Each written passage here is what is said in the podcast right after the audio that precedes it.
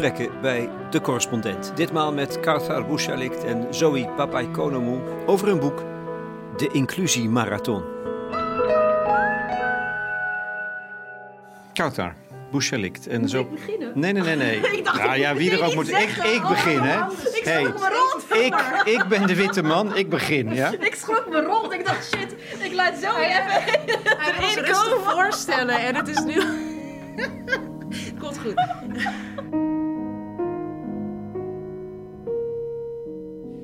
Dit is alvast het begin. Een gesprek over diversiteit in Nederland is nooit eenvoudig. Het roept altijd weerstand en ongemak op. Dus een lach kan geen kwaad. Iets met ijs en breken. Volgens Kautar Bouchalikt en Zoe Papaikonomou heeft Nederland het prettigste zelfbeeld ter wereld. Nou, zie dan maar eens op een welwillende manier racisme en discriminatie aan de orde te stellen. Toch is dat wat ik beoog. In mijn serie Goede Gesprekken zoek ik mensen op die inspireren en uitzicht bieden. Ik benader mijn gasten vanuit nieuwsgierigheid en niet vanuit wantrouwen, juist ook bij onderwerpen die controversieel zijn. En het racisme-debat fungeert als splijtswam in de samenleving. Kunnen we daar alsjeblieft op een andere manier over praten? Dit is deel 2 van een drieluik over diversiteit en gelijkwaardigheid. We zitten op de werkkamer van Kauthar Bouchalikt, lid van de Tweede Kamer voor GroenLinks. Zoe Papaikonomou is journalist, deed eerder van zich horen met het boek Heb je een boze moslim voor mij? Ze hebben samen 41 diversiteitsprofessionals geïnterviewd. Mensen die er werk van maken. Dat levert een indringend beeld op van waar we nu staan met z'n allen. En vooral wat er nog nodig is. De titel wijst al in die richting. De inclusiemarathon. Je moet beseffen dat je begint aan een marathon. Zeker, en het vergt heel veel moed, het vergt heel veel kracht, het vergt veel investeren en totaal niet onderschatten eigenlijk hoe moeilijk het is. Wat ik ook zo mooi vind aan het beeld van een marathon, het kan soms heel eenzaam voelen als je daar een beetje heigend eh, je laatste stappen zet, maar als je om je heen kijkt zie je ook anderen. en dat hebben we proberen te laten zien in het boek, van hey, eh, lange adem moet je hebben, ook letterlijk, maar heel veel zijn met je, zichtbaar en onzichtbaar. En we hopen dat dit boek eh, dat laat zien, ook letterlijk. Wordt het in feite dus onderschat? Zoe? Enorm. Ja, het blijft natuurlijk. Ik heb ook wel eens gezegd: eh, mensen willen het liefst dat er een soort toverdrankje is. En dat je dat dan inneemt. En dan ben je met z'n allen inclusief. En dan ga je eh, alles vredig samenwerken. En is alles leuk en aardig. Maar ja, meer divers worden is ook heel ongemakkelijk. Want je brengt verschil bij elkaar. En dat wordt heel erg onderschat. De eh, organisaties die vaak het. waar werknemers zeggen: Nou. wij hebben een heel inclusief gevoel, zijn vaak dus heel homogeen. En lijkt iedereen elkaar hetzelfde sociale milieu vaak. Ehm, dus wat onderschat wordt, is dat diversiteit, ja, natuurlijk, het is prachtig en mooi, maar het is ook ingewikkeld. En daar moet je je wel op voorbereiden als organisatie. En dat mislukt nog wel eens. Jullie zetten ehm, de diversiteitsprofessional centraal. Die bestaat dus, blijkt. Of, of, of is door jullie in het leven geroepen. Wie is dat? Wat, wat is dat? Wat mij ontzettend eh, aangreep bij de interviews die we allemaal voerden, was ehm, hoe persoonlijk gedreven veel van die diversiteitsprofessionals zijn. Heel erg vanuit het idee van hey, we moeten de samenleving echt veranderen. Ze voelen daar een persoonlijke betrokkenheid bij. En ze zetten dat om in grote processen die best ingewikkeld zijn. Nou, je noemt het professional alsof het werk is. Terwijl het is, het is- dat is ambigu volgens mij. Nou ja, maar ik, kijk, de mensen die wij hebben geïnterviewd, die, die hebben dit wel echt als baan. Dus die ja. zijn of als eh freelancer, zeg maar als externe, of binnen een bedrijf echt verantwoordelijk voor dit proces. Hey, toen ik zelf ooit ging werken, dat is eh 16 jaar geleden, toen bestond dit in Nederland eigenlijk nog nauwelijks, in, in de kinderschoenen. Wat er dus toen gebeurde was, eh Sorry Papa Economo komt op de redactie en wordt het gewild of ongewild de diversiteitsprofessional. En ik denk dat het wel heel goed is dat dat niet meer per definitie zo is. Je hebt wel heel veel mensen, dat beschrijven we ook wel, die doordat ze zelf bepaalde ervaringen hebben eh, en misschien ook interesse erin, wel binnen organisaties ook hiermee be als ambassadeur. Nou, de eindeloze werkgroepen, daar kennen we in de journalistiek natuurlijk ook heel veel van. Ehm, maar die zich dus wel heel hard inzetten. Maar de mensen die wij hebben geïnterviewd, ja, dan moet je ook denken als, ja, als diversity officer, eh, director of inclusion and belonging. Er zijn allemaal van dat soort termen aan, maar die doen dit wel echt fulltime. Maar het is hoe dan ook een baan. Ja. Werk. En, en, ook misschien om aan te vullen, het is ook geen hobby. Hè? Dus ook, ook als het gaat om hoeveel geld wordt er aan besteed, hoe serieus wordt het genomen in de begroting, waar wordt het in de organisatie geplaatst, hoe dicht eigenlijk bij het bestuur, uh, hoe dicht bij de macht, bij wijze van. Um, als er niet een erkenning aan wordt gegeven van dat het echt een onderdeel is van bedrijfsprocessen, ja. uh, en daar heb je soms labels nodig, um, dan schiet het ook niet op, zeg maar. Dus dat zit er ook bij. Nou heb ik jullie boek gelezen, De Inclusiemarathon. En als je dan tot de slotsom komt van wat, wat, wat moet je kunnen als diversiteitsprofessional, dan vraagt dat gruwelijk veel. Hè? Je moet pionier zijn, dus avonturier. Je moet activist zijn, diplomaat, therapeut. En moedig. Dat is bijna te veel gevraagd van mensen. Ja. Nou ja, en het, het, het zal je dus wellicht denk ik ook niet verbazen dat ook een aantal mensen bijvoorbeeld die we nu geïnterviewd hebben op dit moment thuis zitten met een burn-out. En dat gebeurt ook vrij regelmatig, omdat het ook een heel jong beroep is. Hè? Dat, dat is dat pionieren. Dus mensen zetten wel hun eigen netwerken op en hebben, zorgen zelf natuurlijk wel voor achtervang. Maar het is echt een, een, organisatieverandering waar heel veel emotie bij komt kijken. En dat is, maakt het weer anders dan dat je een nieuw computersysteem aanschaft. Dat is dat therapeutische. Je moet met emoties kunnen omgaan. Maar het vraagt dus te veel van mensen? Ja, te veel. Nou ja. daar mag je geen ja op zeggen, dat begrijp ik wel. Maar je zit nou, bijna per definitie aan de grens dus van, van wat je kunt vragen van mensen. Nou, je zit ook uh, met wat we beschrijven, met, met het. Uh, ja, ik noem het ook wel vuil werk. Dat is misschien niet, dat bedoel ik dus niet beledigend richting de mensen die dit doen. Maar menselijk gedrag is ook vuil. Er is discriminatie, er is racisme. Uh, organisaties vertonen vuil gedrag. En daar heb je mee te maken als diversiteitsprofessional. Dus ik vind wel dat er veel gevraagd wordt. En de mensen die wij spreken, die intern werken ergens, zitten natuurlijk bij grote organisaties. Want kleine organisaties hebben hier, willen hier geen geld aan besteden. Die mogelijkheid ook niet altijd. Dus je bent vaak voor een hele organisatie verantwoordelijk voor al die mensen. Je zit met heel veel weerstand vaak aan de ene kant. Je zit inderdaad aan de andere kant met mensen die zelf uitsluiting meemaken. Dus ik durf zo wel te zeggen, ja, je vraagt eigenlijk te veel van mensen. En daarom heb je in grotere organisaties inmiddels wel vaak afdelingen. Ja, dat zegt dus ook hoe moeilijk het is, hè? Hoe, hoe ingrijpend het is als je dat proces wil starten. Ja, en wat, wat denk ik ook ontzettend belangrijk is, is dat er uh, binnen organisaties ook op een bepaalde manier gedeeld eigenaarschap komt. Hmm. Want wat Sarah Ahmed ook, een onderzoekster die we in ons boek onder andere aanhalen, zegt van soms wordt het hebben van een diversiteitsprofessional gezien als de oplossing voor het probleem. Dus bij wijze van iemands bestaan wordt er gesuggereerd dat het wel goed zal zijn met de organisatie. Dus alleen al de symboliek van iemands aanwezigheid en rol en naam. Dus vandaar dat we ook best wel veel ingaan op taal in het boek. Welke woorden gebruiken we? Uh, welke geschiedenis zit daarachter? Het gaat heel erg over uh, soms ook de instrumentele inzet van mensen die met alle goede bedoelingen iets proberen aan te kaarten, maar constant worden tegengewerkt. En het hele moeilijke en pijnlijke ook is, is als het dan niet lukt, even tussen haakjes, dan is het de schuld van die persoon. Terwijl die persoon constant aan het opbotsen is, de professional, tegen eigenlijk grote structuren, microagressie, uh, um, koloniale geschiedenis ook in sommige organisaties en uh, systemen. Want ik denk van, dat maakt het ook dus heel zwaar. Een grote verantwoordelijkheid, het raakt je heel persoonlijk. En ook soms dan ben je toch een beetje het excuus. Ja. En je bent eenzaam, begrijp ik. Je staat er vaak alleen voor. Zijn jullie diversiteitsprofessional? Nou ja, Kouter is nu Tweede Kamerlid. Ja, ben je... ja, ben je dan? Dus in de formele zin uh, is daar niet een hele strenge definitie voor. Maar als het gaat om, um, vind ik het belangrijk, uh, strijd ik voor gelijkwaardigheid, rechtvaardigheid en inclusie, wat, wat, we hopelijk allemaal doen, dan zou ik zeggen ja. ja. Maar het gaat er heel erg om van waar verhoud je je toe, binnen welke context. En ik hoop dat we in ons hart allemaal wel diversiteitsprofessionals zijn, ja. Ongeacht het beroep. Mooi. Ik begeleid ook wel eens organisaties, maar ik ben daar voorzichtig in. Wat, wat de, de diversiteitsprofessionals doen, die wij interviewen, die gaan echt vaak, die werken binnen een organisatie of gaan daar langere tijd in. Hmm. Ik zou dat niet trekken.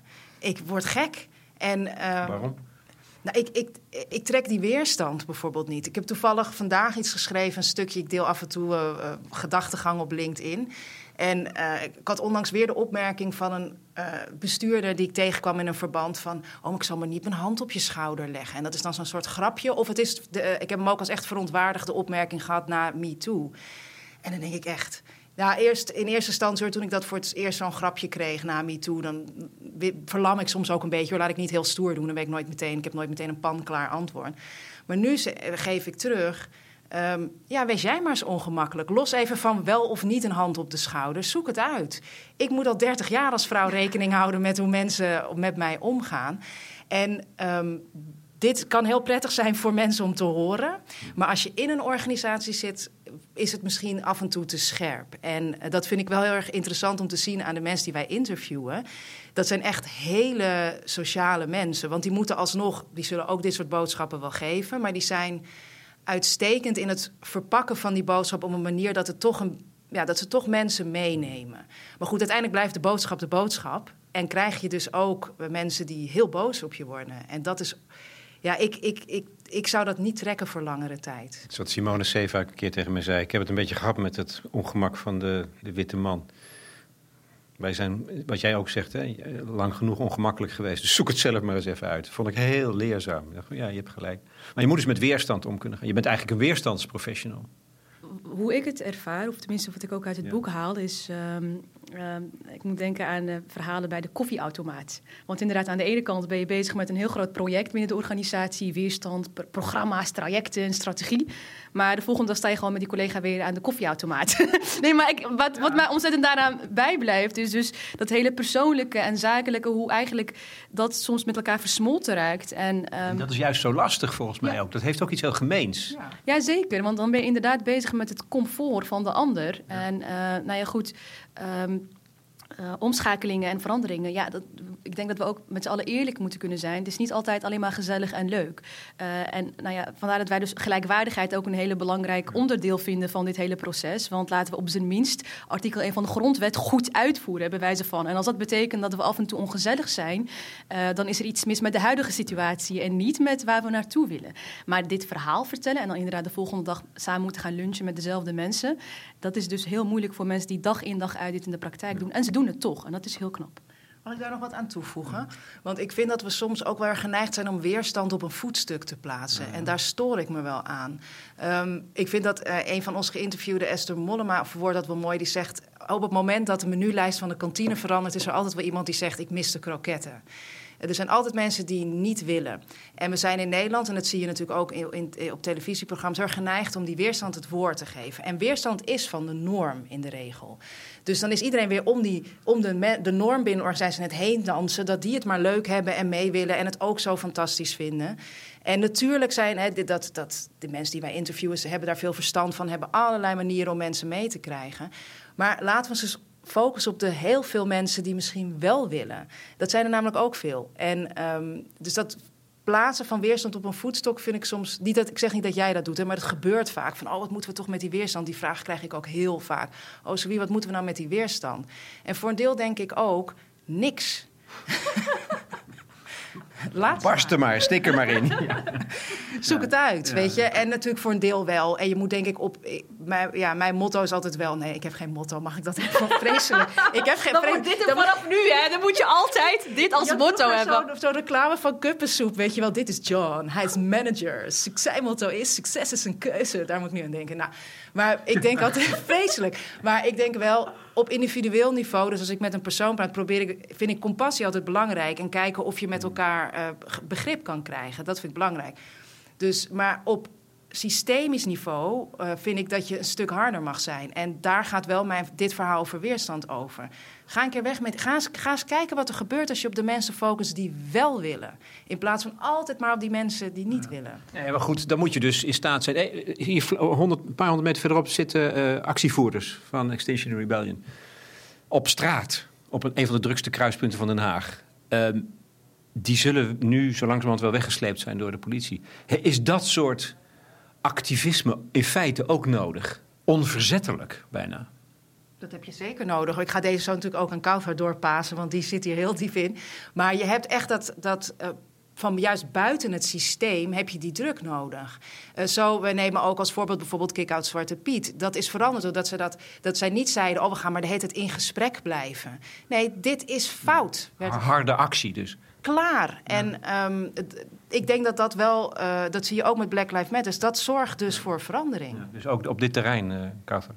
Ik denk op heel veel terreinen als het gaat om systeemverandering en systeemkritiek. Hè? Want of het nou gaat om klimaat inderdaad, of zeg maar een koloniale geschiedenis, of racisme en uitsluiting, die zijn um, nou, doorgecijpeld in, in heel veel van onze structuren en systemen, uh, geloof ik dat het ontzettend nodig is om zeg maar, een brede range te hebben aan uh, ontwikkelingen. Dus nog steeds wel de goede gesprekken inderdaad bij de koffieautomaat, maar ook dat van daaruit begrip hopelijk ontstaat dat harde systeemkritiek niet uh, gelijk staat aan harde persoonlijke aanvallen. En volgens mij wordt dat heel vaak verward met elkaar, van oh dan ben je tegen waar ik voor sta als persoon X of persoon Y. Terwijl het gaat om, we zijn er tegen dat persoon X of persoon Y meer privileges heeft binnen het huidige systeem.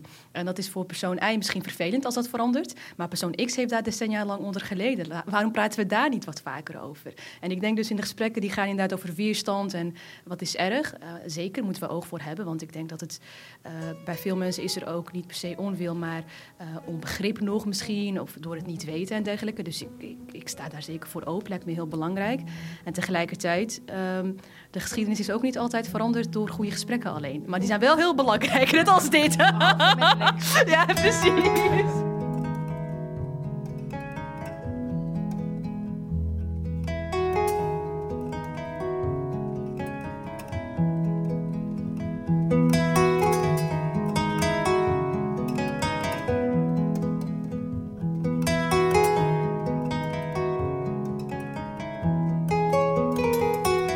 Is jullie bekend volgens mij dat ik uh, opereer binnen een behoorlijk witte omgeving. Hè, die van de correspondent, trouwens ook bij de omroep. Dat is zeker zo erg. En ik voel me dus ook verantwoordelijk, zeker door, de door die goede gesprekken die ik voer, om daar iets aan te doen. En, um, maar het, het, het, het, paradoxale is, als ik jullie boek lees, dan voel ik bijna, ja, doe het maar niet, want ik ben een amateur. Snap je? Dat ik, dat, want jullie waarschuwen mij ook. Hè? Van, uh, je hebt hier een, echt een professional voor nodig. En iemand die er dus uh, werk van maakt. Dat vond ik best lastig, zal ik je vertellen. Nou, ik denk dat er twee. Er zitten verschillen in. Ik ben heel blij dat je je verantwoordelijk voelt. Want ik denk iedereen heeft een verantwoordelijkheid hierin. Ja. Elke werknemer. Want inclusie gaat ook over iedereen. Het, gaat niet, het is heel erg komen te staan voor. Het gaat aan, over mensen die niet tot de norm behoren. Maar juist de norm hoort er ook bij. En moet ook verantwoordelijkheid nemen. Maar ik ben blij dat je het vraagt. Want dan kunnen we dat in ieder geval heel duidelijk aangeven. Kijk, er is alleen een verschil in als je dit. Um, het is een langdurig proces. Het is ook een ingewikkeld proces. Dus het helpt wel om daar expertise bij bij te vragen. Ik denk dat het, ja, zo zou ik het meer beschrijven. Ja. Nou, als ik het heel concreet maak, als het gaat om uh, bedrijfsculturen. Welke grapjes worden gemaakt mm. bij wijze van? En um, uh, ik denk dus dat uh, als het gaat om het besef van welke grapjes niet kunnen, als daar een racistische onderlaag in zit of, of seksistisch of dergelijke, dan hoop ik dat jij dat ook inderdaad aan de orde gaat stellen.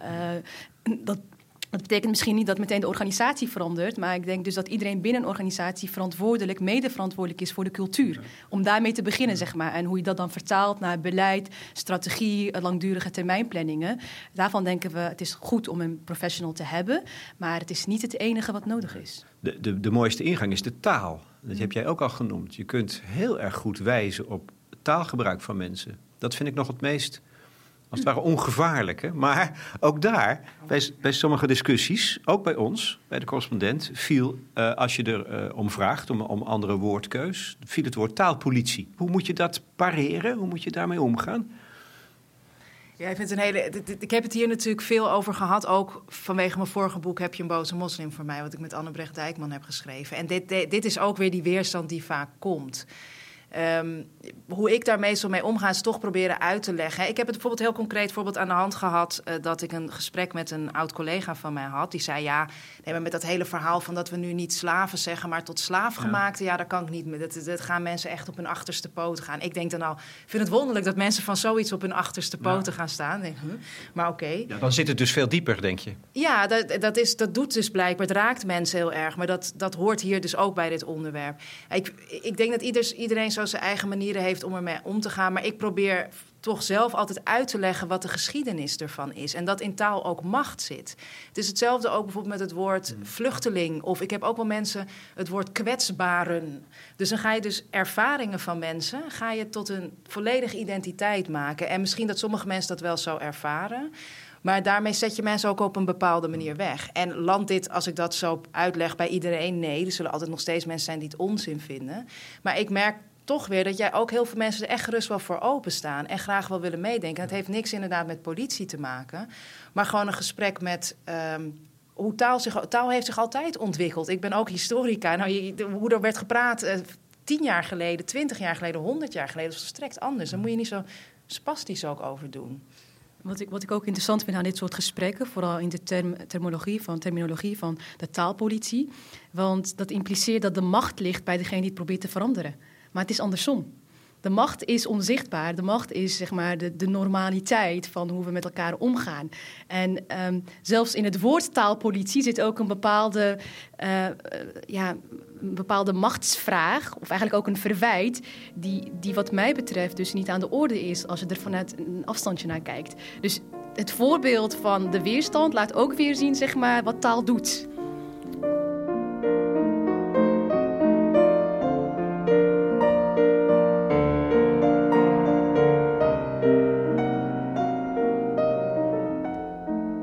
Taal gesproken, jullie zetten drie begrippen eigenlijk naast elkaar. Het is heel handig om die wel eens even, toch even te ontrafelen. Want we hebben het er steeds over, gooi het door elkaar. En het zijn van die begrippen waarvan het heel goed is om het even helder te stellen. Dat zijn diversiteit, inclusiviteit en ehm, gelijkwaardigheid. DIG, DIG, vat je het wel samen. Wat is het verschil tussen diversiteit en inclusiviteit? Ja, dat is een hele uh, goede vraag, want daar gaat het al heel vaak mis, zeg ik dan even tussen aanhalingstekens. Omdat er heel veel mensen er verschillende dingen uh, onder verstaan. Ik ben dus ooit op de redactie van de Amsterdamse stadszender AT5 gestart, mijn werkende leven. En um, ik ken het woord diversiteit toen wel, maar dat betekende voor mij gewoon letterlijk verschil, zeg maar. Een diversiteit aan cupcakes, ik zeg maar wat. Um, en toen ging ik daar werken en ik had wel een soort, ik had wel een doel vanuit mijn eigen opgroeien van de, ik mis verhalen en die verhalen wil ik brengen. En toen kwam ik op een gegeven moment op de redactie werden de verhalen vaak die ik voorstelde waren diverse verhalen. En dat vond ik zo raar, want ik vond het verhalen, zeg maar. Maar het waren dus diverse verhalen. Nou, toen leerde ik dat diversiteit ook vaak wordt gebruikt als wat buiten de norm staat. Maar het is ook wel op een gegeven moment ontwikkeld als een soort uh, gezellig taalgebruik om winst te maken voor bedrijven. Maar daar zal ik dan misschien niet helemaal in gaan duiken nu. Um, maar wat wij dus ook bij ons geïnterviewden zagen, is ook zij geven er verschillende betekenissen aan of weten heel veel verschillende betekenissen, laat ik het zo zeggen.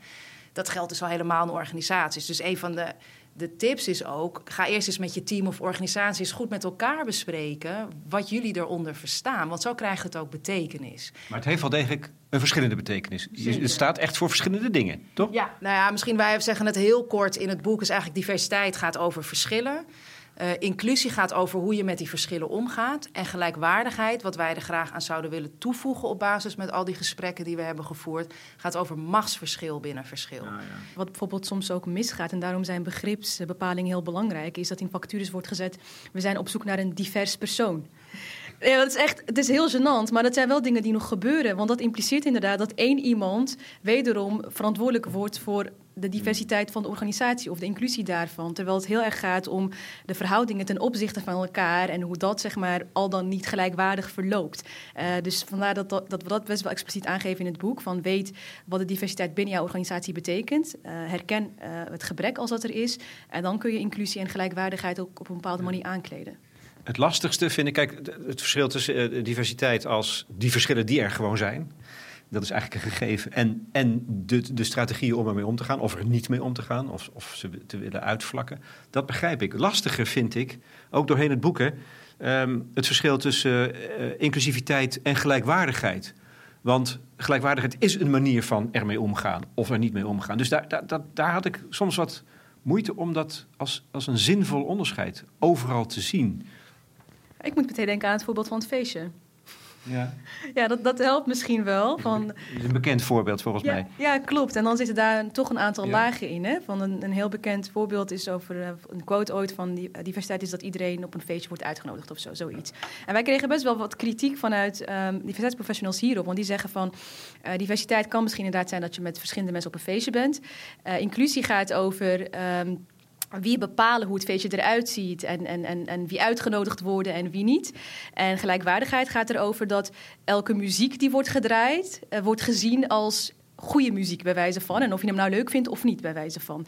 En die gelaagdheid in, in wat het kan betekenen om je tot elkaar te verhouden, die is heel belangrijk. En dit is meer een luchtig voorbeeld, maar gelijkwaardigheid gaat dus ook over uh, erkennen dat bepaalde groepen in de samenleving structureel worden uitgesloten. Uh, Mensen van kleur, uh, vrouwen die nog steeds niet aan de macht zitten. En daar zit een laag onder waarvan wij zeggen van hé, hey, die is nog niet zichtbaar. En die moeten we zichtbaar maken op basis van gelijkwaardigheid. Er staat ook een voorbeeld in het boek, dat is van een hoogleraar, een vrouw. En zij vertelt over de competenties die vaak gevraagd worden om dan hoogleraar te worden. Nou, ze, ze legt uit, één daarvan is vaak buitenlandervaring.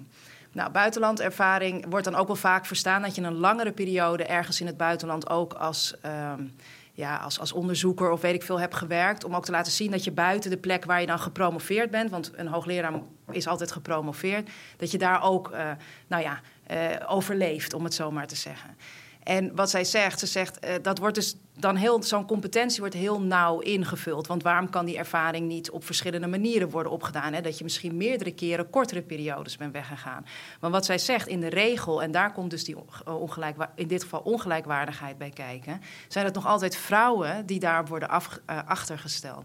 Want wij hebben nog steeds een samenleving waar we, we hebben natuurlijk millennia lang aan patriarchaat gehad. Dat vrouwenwerk is pas heel, uh, of Nee, niet dat vrouwen werken is niet recent, want die hebben door de geschiedenis heen natuurlijk heel veel gewerkt. Maar het is natuurlijk een lange periode geweest dat vrouwen zaten thuis, uh, middenstand of hoger zeker. Uh, en mannen gingen aan het werk. Dus, en ook nu zie je ook dat als, op het moment dat er kinderen komen, uh, dat toch dat vaak nog bij de vrouw blijft liggen. Dus die competentie is dus echt ongelijkwaardig, doordat het uh, die, die historie van ongelijkwaardigheid van de positie van de vrouw in zich herbergt. En dat is het verschil. Wat je, en wat je nu vaak ziet gebeuren met het alleen over diversiteit en inclusie hebben, is dat het uh, iets meer gaat over gezelligheid toch. En hoe kunnen we, elkaar, hè, kunnen we allemaal tot ons recht komen? Hoe kunnen we elkaar allemaal zien? Maar er wordt dan toch het feit dat het ook over discriminatie gaat, dat wordt daarin een beetje vergeten. Dus we zien het ook als een scherpsteller.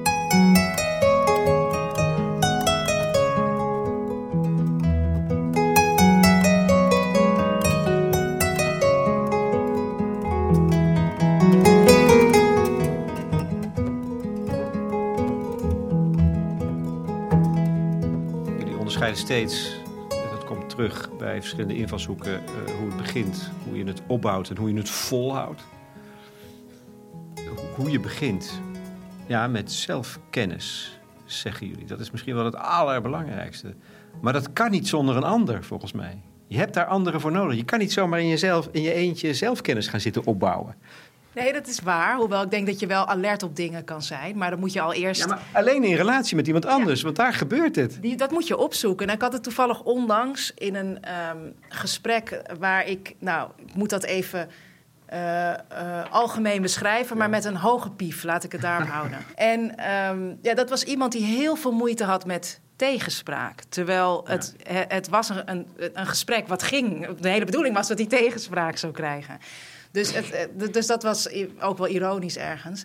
Maar dat laat ook zien hoe ingewikkeld het is. En ook hoe macht je, um, hoe, meer, hoe meer macht je hebt, hoe, hoe minder tegenspraak je, je krijgt. Dus dat is een tip voor leidinggevenden. Dan moet je dus nog meer organiseren. Maar zelfreflectie, daar heb je gelijk in. Dat ontstaat in relatie tot anderen. Maar dat moet je dus opzoeken. En het is, het is een beetje alsof je, um, uh, nou ja, zeg maar, actief gaat in de spiegel gaat kijken. En die spiegel is dan in dit geval iemand anders die een beetje gaat zeggen dat je ook lelijk bent. Dus het is niet leuk per se. Ja. Ik denk wel dat het belangrijk is om ook te beseffen dat het niet alleen afhankelijk zou moeten zijn van een ander. Uh, want oh, oh, leg jij maar even uit hoe erg het is om gediscrimineerd te worden, want dan kan ik me daarin inleven. Ik zeg het even heel plat, maar zo mhm. worden soms ook dit soort sessies georganiseerd. En dan denk ik, aan de ene kant is het goed om op een menselijk niveau elkaar zo te leren kennen. Maar ik denk ook, uh, er zijn zoveel bronnen online. Uh, als het gaat om privilege, als het gaat om um, de geschiedenis van, van hoe dingen op dit moment eruit zien. Als het gaat om, nou goed, ons boek hopelijk ook op een bepaalde manier. Maar zelfs zonder het boek kan je best wel veel jezelf proberen te bekritiseren of, of te leren kennen, uh, zonder dat je zelf die ervaring hoeft te hebben. Dus ik, ik vaak er ook voor om, om, om te zeggen van het is alleen afhankelijk van de relaties met anderen, want dat verschuift weer een deel van de verantwoordelijkheid naar anderen toe. Nog even wat vragen, Lex.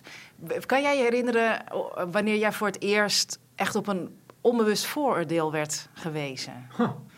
Uh, nee, dat, dat heb ik niet zo paraat op dit moment. Uh, ik ben heel erg naar buiten toe bezig, dus dat, is, dat, is, dat, is, dat kan ik je niet meteen teruggeven. Maar ja. Nou ja, ik denk dat, dat een van die gesprekken uh, met, met, met Simone Zeefuik daar wel dicht in de buurt kwam dat gesprek vond plaats aan van een tentoonstelling in het Tropenmuseum over het koloniale verleden. En de manier waarop dat is voorgesteld. En, en eh, het, het, dat je je ongemakkelijk voelt, dat is een signaal. En daar hadden wij het over en zij wees daar natuurlijk op. En ze wees dat terug naar mij. En dat betekent dat je zelf moet afvragen, waarom ben ik eigenlijk ongemakkelijk? En dan kom je wel in de buurt.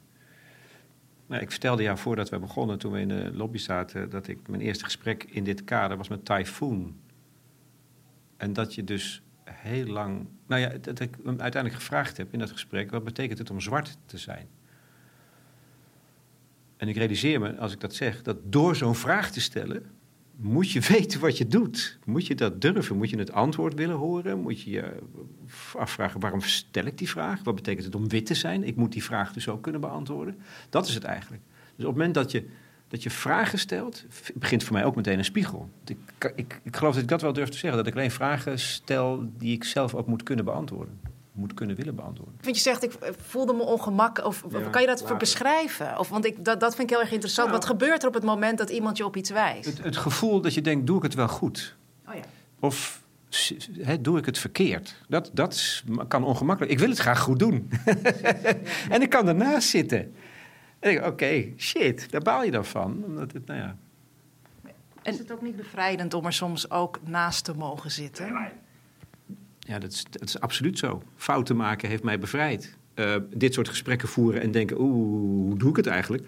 Dat heeft mij in de loop der jaren absoluut bevrijd. Ik voel me nu veel gemakkelijker. Zelfs bij jullie. Ja, ik vind het prachtig, want dit gaat ook over het omarmen van ongemak uiteindelijk. Met, omdat we er beter van worden uiteindelijk. Ja. Nou ja, ik, ik, moest, ik moest een beetje lachen toen je zei over die vraag die je stelde en welke vraag stel ik mezelf dan terug. Want weet ik, nog, ik weet nog een keer, uh, kreeg ik ook, ik krijg regelmatig allerlei vragen, maar op een gegeven moment begon ik vragen terug te stellen. Ja. En dat vond ik heel interessant, want daarom zeg ik soms je eigen proces als iemand je iets teruggeeft, omdat het heel persoonlijk soms ook raakt. Want dan... Kan je daar een voorbeeld van geven? Ja, Want het is volgens mij heel, ja? Nee, heel concreet. Bijvoorbeeld, eh, omdat je net vroeg over uh, kleur. Als ik dan gevraagd krijg van... Um, um, Um, wat betekent religie voor jou? En dan zit je gewoon iemand met een willekeurig persoon bijna in een koffietentje ergens. En die denkt dat, dat je dat even kan vragen bij je eerste gesprek. En weet je wel, en dan, dat wordt dan als normaal gevonden.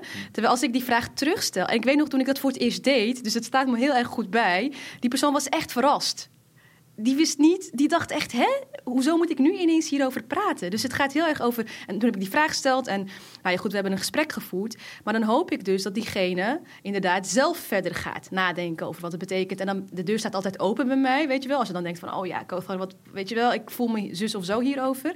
Maar ik wil niet dat de ander verwacht dat ik constant dit ga doen. Want ik wil ook gewoon af en toe een gesprek kunnen voeren zonder dat ik soort van op metaniveau aan het bestuderen ben wat er gebeurt. Ja, maar dit is, dit is, dit, ik, ik zit te, te wachten bij al die interviews op televisie dat mensen dit soort dingen doen. Want er zitten zoveel aannames in de vraagstelling. En er zit een soort arrogantie in van dat je het recht hebt om die vraag te stellen en zelf buiten schot te blijven. Het begint met teruggeven, diezelfde vragen. Dat is dan ook een spiegel. Ik was laatst paneel, vond ik prachtig op een bijeenkomst dat iedereen in mijn groepje, je kent het wel, dan word je in groepjes verdeeld en zo, de vraag moest beantwoorden: wat is jouw culturele afkomst? En ik was de enige die ook een niet-Nederlandse afkomst had. En oh, wat een spannende telefoongeluid is dit. Nou ja, dus ik zat, um, ik zat ik zat echt bijna juichend. Want ik ben altijd dan normaal de enige die die vraag krijgt. En het leverde prachtige antwoorden op. Laat ik dat vooropstellen. Want mensen werden heel erg uitgedaagd. Het was heel grappig hoe het begon. De eerste die aan de beurt was, die... Ja, nou ja, ik ben gewoon Nederlands. En uh, weet je, heel ongemakkelijk. En nou ja, en, en, en toen... Uh, en ik probeer nog een beetje door te zetten. Maakt niet uit. Vertel meer. Waar ben je opgegroeid, weet je wel? Ik denk, ik zet gewoon door. En toen vervolgens uh, gingen de volgende mensen wel. En er kwamen hele mooie verhalen. Ook dus hoe mensen cultuur interpreteren. Um, het, en dat is, dat is denk ik iets wat, nou ja, wat jij net ook mooi beschrijft. Dat, er is een soort recht om dat altijd te vragen aan iemand die je dan beschouwt als, als minderheid. En het is vaak heel erg uh, vermoeiend. Bij mij worden er ook heel vaak meteen allerlei intensieve vragen over mijn privéleven aangekoppeld. En het is niet dat ik niet over mijn privéleven wil praten en uh, mijn vader en hoe is hij dan gemigreerd en zijn je ouders nog bij elkaar. Maar als ik iemand net allemaal nog ken uh, is dat soms best wel vermoeiend. En, en um, heb je er niet per definitie altijd zin in. En ik was eerst altijd heel erg geneigd om dat ongemak voor de ander op te vangen. Dus dan ging ik toch wel vertellen. Of dat heel vriendelijk toch een beetje afweren. En nu probeer ik gewoon dan te zeggen: hé, hey, luister, ik, ik heb even niet zo'n zin hierin. Of ik ga het dus terugvragen. Dat vind ik een hele mooie van Kouter. Want dat levert hele interessante dingen op. En spiegelt mensen, denk ik ook ja, wel. Nou, daar begint dat, dat proces van zelfreflectie, hopelijk. Het is, en het is, uh, het is volgens mij leuk ook om te doen. Ja. Ja, ja, maar dat vind ik dus heel mooi. Dat het is leuk, het ongemak. Ik bedoel, we hebben het tot nu toe best wel over de zware kanten van dit verhaal gehad. Maar um, ik weet nog, we hadden afgelopen week onze boekpresentatie. En ik keek om me heen en ik dacht, wow, dit, dit, dit is zeg maar ook de samenleving in, in het klein. Van allemaal mensen die op hun eigen manier keihard aan het werken zijn. Uh, voor gelijkwaardigheid, inclusie, diversiteit. En daarin het eigen ongemak niet schuwen. Elkaar durven aan te kijken. Kwetsbaar durven te zijn. Um, ook in dit gesprek, dat ik denk wat fijn. Dat, nou goed, dat je die vraag inderdaad ook terug uh, beantwoordt uh, vanuit Zoe. Vind ik heel mooi. Um, dus ja, we maken allemaal fouten. Laten we daar niet bang voor zijn. Laten we niet bang zijn om de ander te wijzen. Op, op, op wanneer het misschien minder goed gaat. Ik hoop ook dat mensen dat bij mij blijven durven. Ja, maar wees wel inderdaad bereidwillig omgespiegeld te worden. Ja. Want dat, daar gaat ja. het vaak dus niet goed. Hè? Want als je dan terugkrijgt, je mensen die worden boos. Ik ben echt bedreigd zelfs soms in, in situaties... omdat mensen zo geraakt werden. En dat is ook, ook best wel heftig. Dus die, maar dat is ook een oefening. Ik, een, van mijn, mooi, een van de mooiste citaten in het boek vind ik van Farzin Farsad. Hij is een Amerikaanse diversiteitsprofessional. En hij zegt, uh, beschouw het als een geschenk... als iemand jou op een onbewust vooroordeel wil wijzen. En denk ik, ja, dat is het. Echt, en ook ook, in heel veel situaties heb jij de, de macht dan. Hè? Want jij hebt dat onbewuste voordeel. Je hebt waarschijnlijk een vervelende grap gemaakt of iets gezegd wat niet fijn is. Um, is het dan jouw verantwoordelijkheid, zo beschrijft hij het, om heel erg fragiel en gekwetst en, of beledigd of, of te gaan zwemmen in goede intenties? Of is het misschien je verantwoordelijkheid om gewoon te luisteren?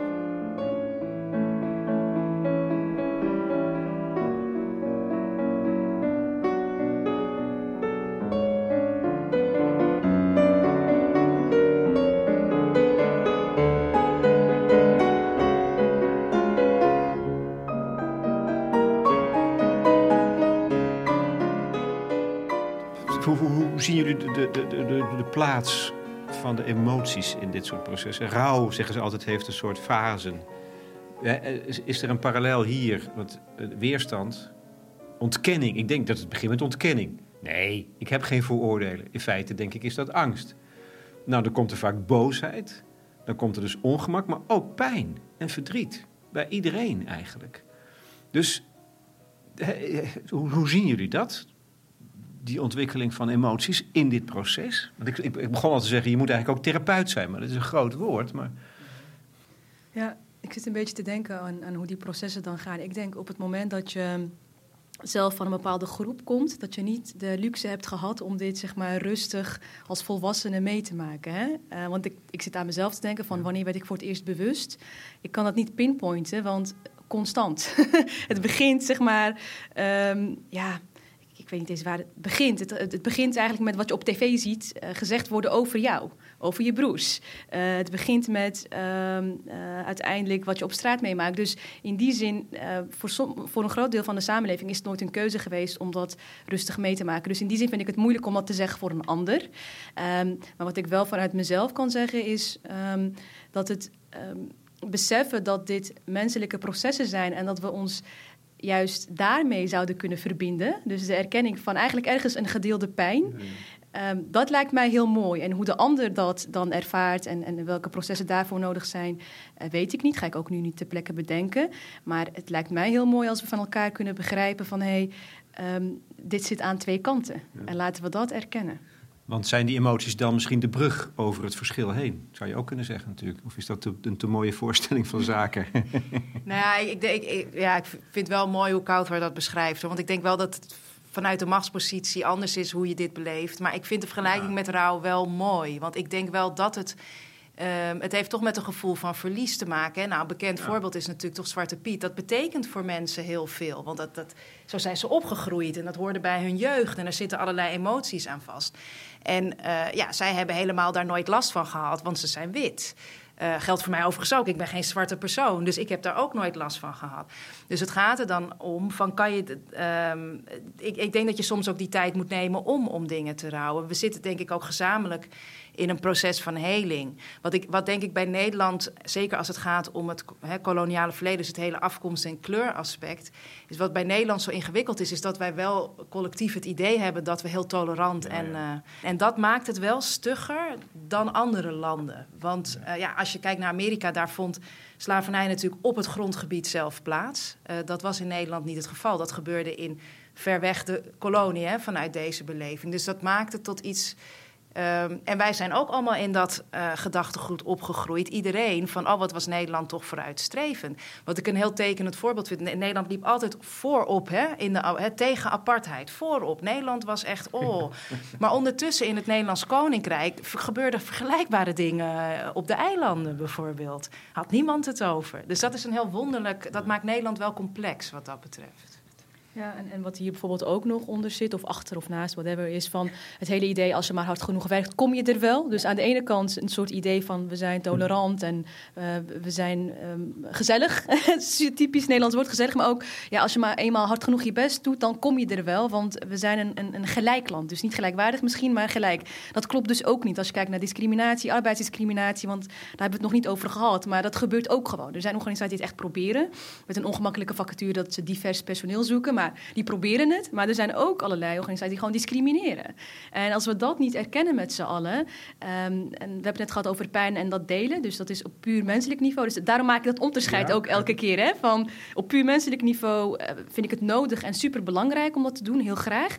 Maar op, uh, op systeemniveau uh, af en toe schoppen. Lijkt me heel gezond, omdat je daarmee laat zien van hé. Hey, um, het is ook hard. Het is heel lang heel hard geweest voor heel veel mensen. En um, uh, laten we ook daar eerlijk over durven zijn. Um, met tegelijkertijd dus wel het zoeken naar waar vind je elkaar wel. Ja, ja Astrid Elburg zegt letterlijk natuurlijk ook in ons boek... Uh, uh, dezelfde kennis is in een ander lichaam minder waard. En... Um, ja, toen ik die, die, die zin weer herlas, zeg maar, in, het, in de tekst, hè, ja. toen, toen moest ik echt even stoppen. Omdat ik dacht, ja, dat is dus de situatie. Wat is er nodig in de fase van het opbouwen? Wat beschouw je daar als cruciaal? Als, je, als je al bent gestart, weet je, en, en er is iets gaande. En je bent diversiteitsprofessional in een grote organisatie en je moet sleuren. Wat, wat, waar moet je dan naar streven? Wat adviseren jullie? Wat we zien, dat zit hem heel concreet in Eén, betaal je mensen? Ja, Want nou, wat we ook hebben gezien ja. in het boek en in de interviews die we krijgen, is het wordt gezien als: oh, we hebben nog ergens een potje. Van oh ja, en dan gaan we even iets doen en dan kan je dit jaarverslag. Nee. Kopje koffie, broodje kaas. Ja, precies. En dan hebben ze inspiratie opgehaald. Ik zeg het nu heel hard, maar dit soort dingen gebeuren echt. Dus dat bedoel ik met hard. Soms moet dit gezegd worden. Neem het serieus. Het zijn professionals die je inhuurt. Uh, betaal ze naar hun inzet, ervaring en expertise. Dat is als je iemand extern inhuurt. Uh, stel je hebt iemand binnen de organisatie, wat onze uh, geïnterviewden ook aangeven, is: het maakt dus echt uit waar je die persoon positioneert. Is dat, zeg maar, uh, wat ik net ook zei, dicht bij uh, de, de, de, leiding van de organisatie? Of is het een projectgroep? Zonder af te doen aan wat dat kan betekenen. Maar uh, daaraan kun je wel afzien van hoe belangrijk vindt zo'n organisatie dat. Vooral als het een commercieel bedrijf is wat spreekt in cijfers. Dus het gaat ook heel erg over wat kun je daaraan aflezen. En um, wat, wat denk ik ook heel belangrijk is, is om het niet te zien als een project, maar als een uh, systeemverandering. Een ja. organisatieproces ben je aan het veranderen. Dus aan de ene kant is het supermaatschappelijk en gaat het heel erg over in- en uitsluiting en macht. En tegelijkertijd, uh, bijvoorbeeld bij een fusie, huur je ook professionals in. Uh, interim managers en allemaal mensen die dat gaan organiseren. Dus het is ook een proces en op die manier ernaar kijken. Uh, en het ook op die manier serieus nemen. Dat is wat ik onder andere uit de geïnterviewden hun verhalen haal. Uh, want dat geeft hen weer legitimiteit. Want dan kan je een supergoeie diversiteitsprofessional hebben, maar als die niet wordt gedragen door de organisatie of door de zittende macht, bij wijze van, als die niet een beetje de macht deelt, uh, dan krijgt die persoon het wel iets moeilijker. Ja, misschien inderdaad ter aanvulling, want dat, dat uh, vond ik zelf ook wel heel interessant om te merken. Want kijk, het, het heeft soms ook wel dit onderwerp de neiging om heel abstract te worden. En daar worstelen die professionals natuurlijk ook mee. Dus je zag dat ze allemaal systeempjes bedachten. Wij hebben uiteindelijk gekozen voor het lichaam van uh, Joy Lodar Massa, maar je had ook de vijf vingers van Joan Toll. En iedereen probeert ook maar wat te bedenken om het concreet te maken. Maar als je het hebt over die opbouw. Wat, wat, wat, wat daar gemene deler in is, wat ze um, in een organisatie is ook gaan kijken naar. Uh, nou, dat lichaam bijvoorbeeld, het able-bodied lichaam, zeg ik er dan even bij, van uh, Joy Lodder Massa gaat dan over het hoofd, de top. Uh, de armen, dat is dan hè, HR, personeelszaken en de business. Dus dat zijn eigenlijk okay, de dagen. Dit gaat te snel, Zoe. Je hebt hoofd, Lichaam en benen. Nee, ja? Nee, het lichaam en het lichaam heeft een hoofd. Ja. Dus, wacht even. Beginnen opnieuw. Dus je hebt het lichaam. Ja. En uh, zij zegt dan, nou, het hoofd staat voor de top. Ja. Dus dat is het management, zeg maar, het bestuur. Dan heb je de armen. Dat is enerzijds uh, HR, dus personeelszaak. Andere kant zijn uh, de dagelijkse werkzaamheden, de business. En dan de benen zijn communicatieprocessen com of afdeling communicatie en een veilige werkcultuur. En um, um, daarbinnen lopen, eh, dat heb ik er zelf nog later een keer aan toegevoegd, de bloedsomloop zijn alle processen die daar binnen lopen. Nou, dit maakt het nog niet meteen heel veel concreter, dat zie ik je toch een beetje denken. Maar om dat even uh, aan te geven, kijk, laat ik het journalistieke proces nemen. Want dat is wat je ziet dat ze gaan doen, is dat uh, gaan kijken hoe kunnen we elk proces inclusiever maken. Nou, wij als journalisten, um, wij maken verhalen. Uh, waar begint het, het inclusiever maken van ons dagelijkse proces? Is ons netwerk verbreden. Want zo krijgen we meer onderwerpen tot ons. Vervolgens krijgen dus binnen die onderwerpen... wil je gaan kijken naar hoe kan ik zoveel mogelijk invalshoeken bekijken... perspectieven erbij betrekken. Welke bronnen ga ik daarvoor vragen?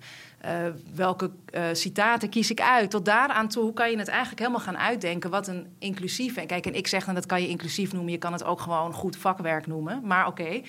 dat is namelijk inclusiviteit in, in die zin, wat mij betreft ook. Is dat het, het, maakt je werk beter in de meeste gevallen. En je ziet dat dat is wat ze heel vaak in die opbouw gaan doen. Is voor elk proces in zo'n organisatie. Met de mensen natuurlijk die dat proces uitvoeren. Gaan kijken hoe kunnen we dat inclusiever maken. Een, een, hele concrete aanvulling specifiek op dit soort processen. Want wat vaak gebeurt is dat uh, op het moment dat vrouwen worden gebeld voor een interview, dat zij sneller geneigd zijn naar een man te verwijzen. Omdat dan eh, de waardering vaak groter is, of die worden ook vaker op tv uitgenodigd. Dan kun je ook als journalist zeggen van oké, ik bel drie vrouwen. En als ze allemaal zeggen je moet die ene man hebben, dan probeer ik te kijken van is dat omdat die persoon daar inderdaad uh, wat, wat verder in is of beter? Of is dat omdat dit mechanisme nu in werking is waarin vrouwen structureel worden ondergewaardeerd? Dus het is heel persoonlijk ook. En als je dat overal krijgt en niet afhankelijk maakt van die ene persoon, uh, dan kun je dus heel langzaam die uh, systeemverandering bewerkstelligen.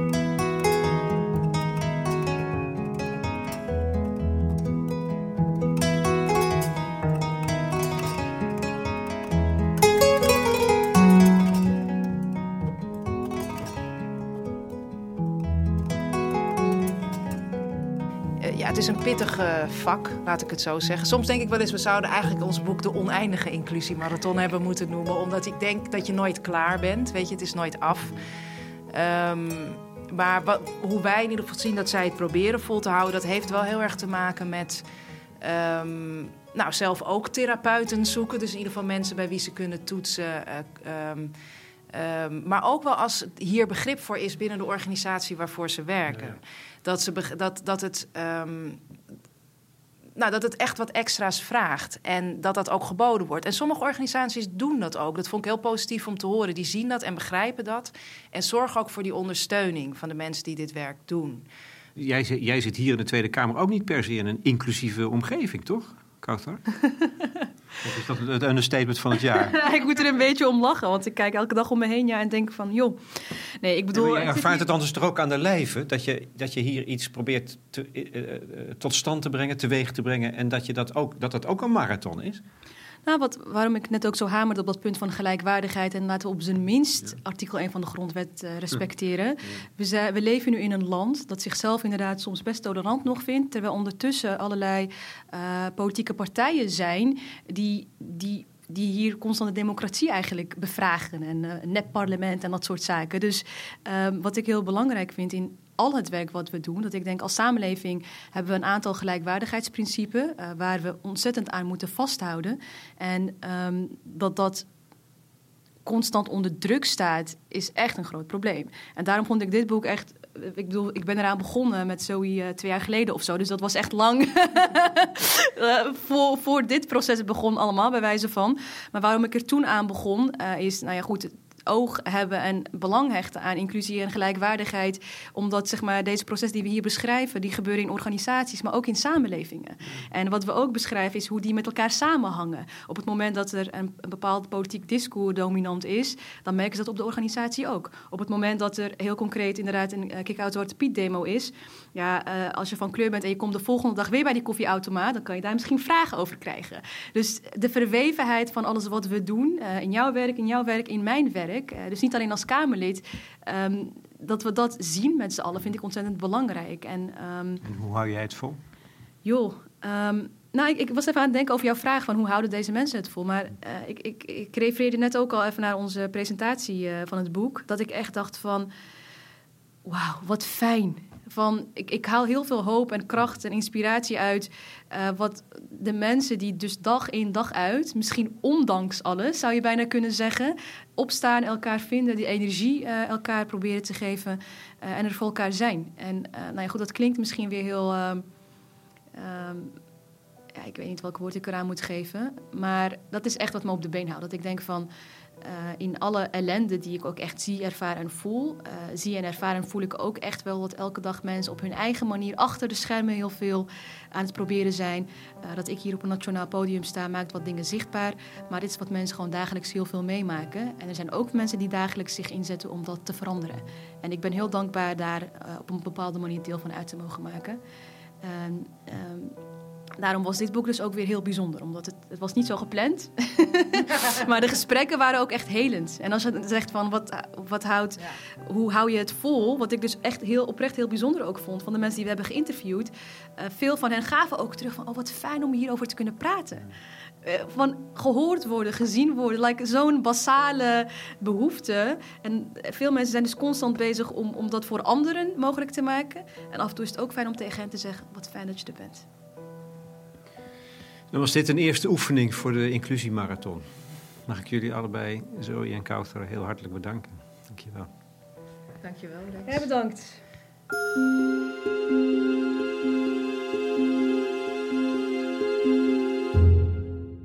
Zoe Papaikonomou en Kautar Bouchalikt in gesprek met Lex Bolmeijer voor de correspondent over hun boek De Inclusiemarathon. Dat is uitgebracht door Amsterdam University Press.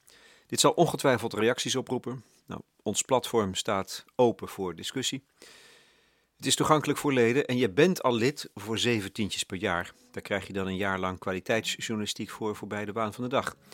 Zoals dit gesprek, het tweede in een klein drieluik over diversiteit en racisme. Volgende keer komt Kiza Magendana aan het woord over zijn boek Met Nederland in Therapie.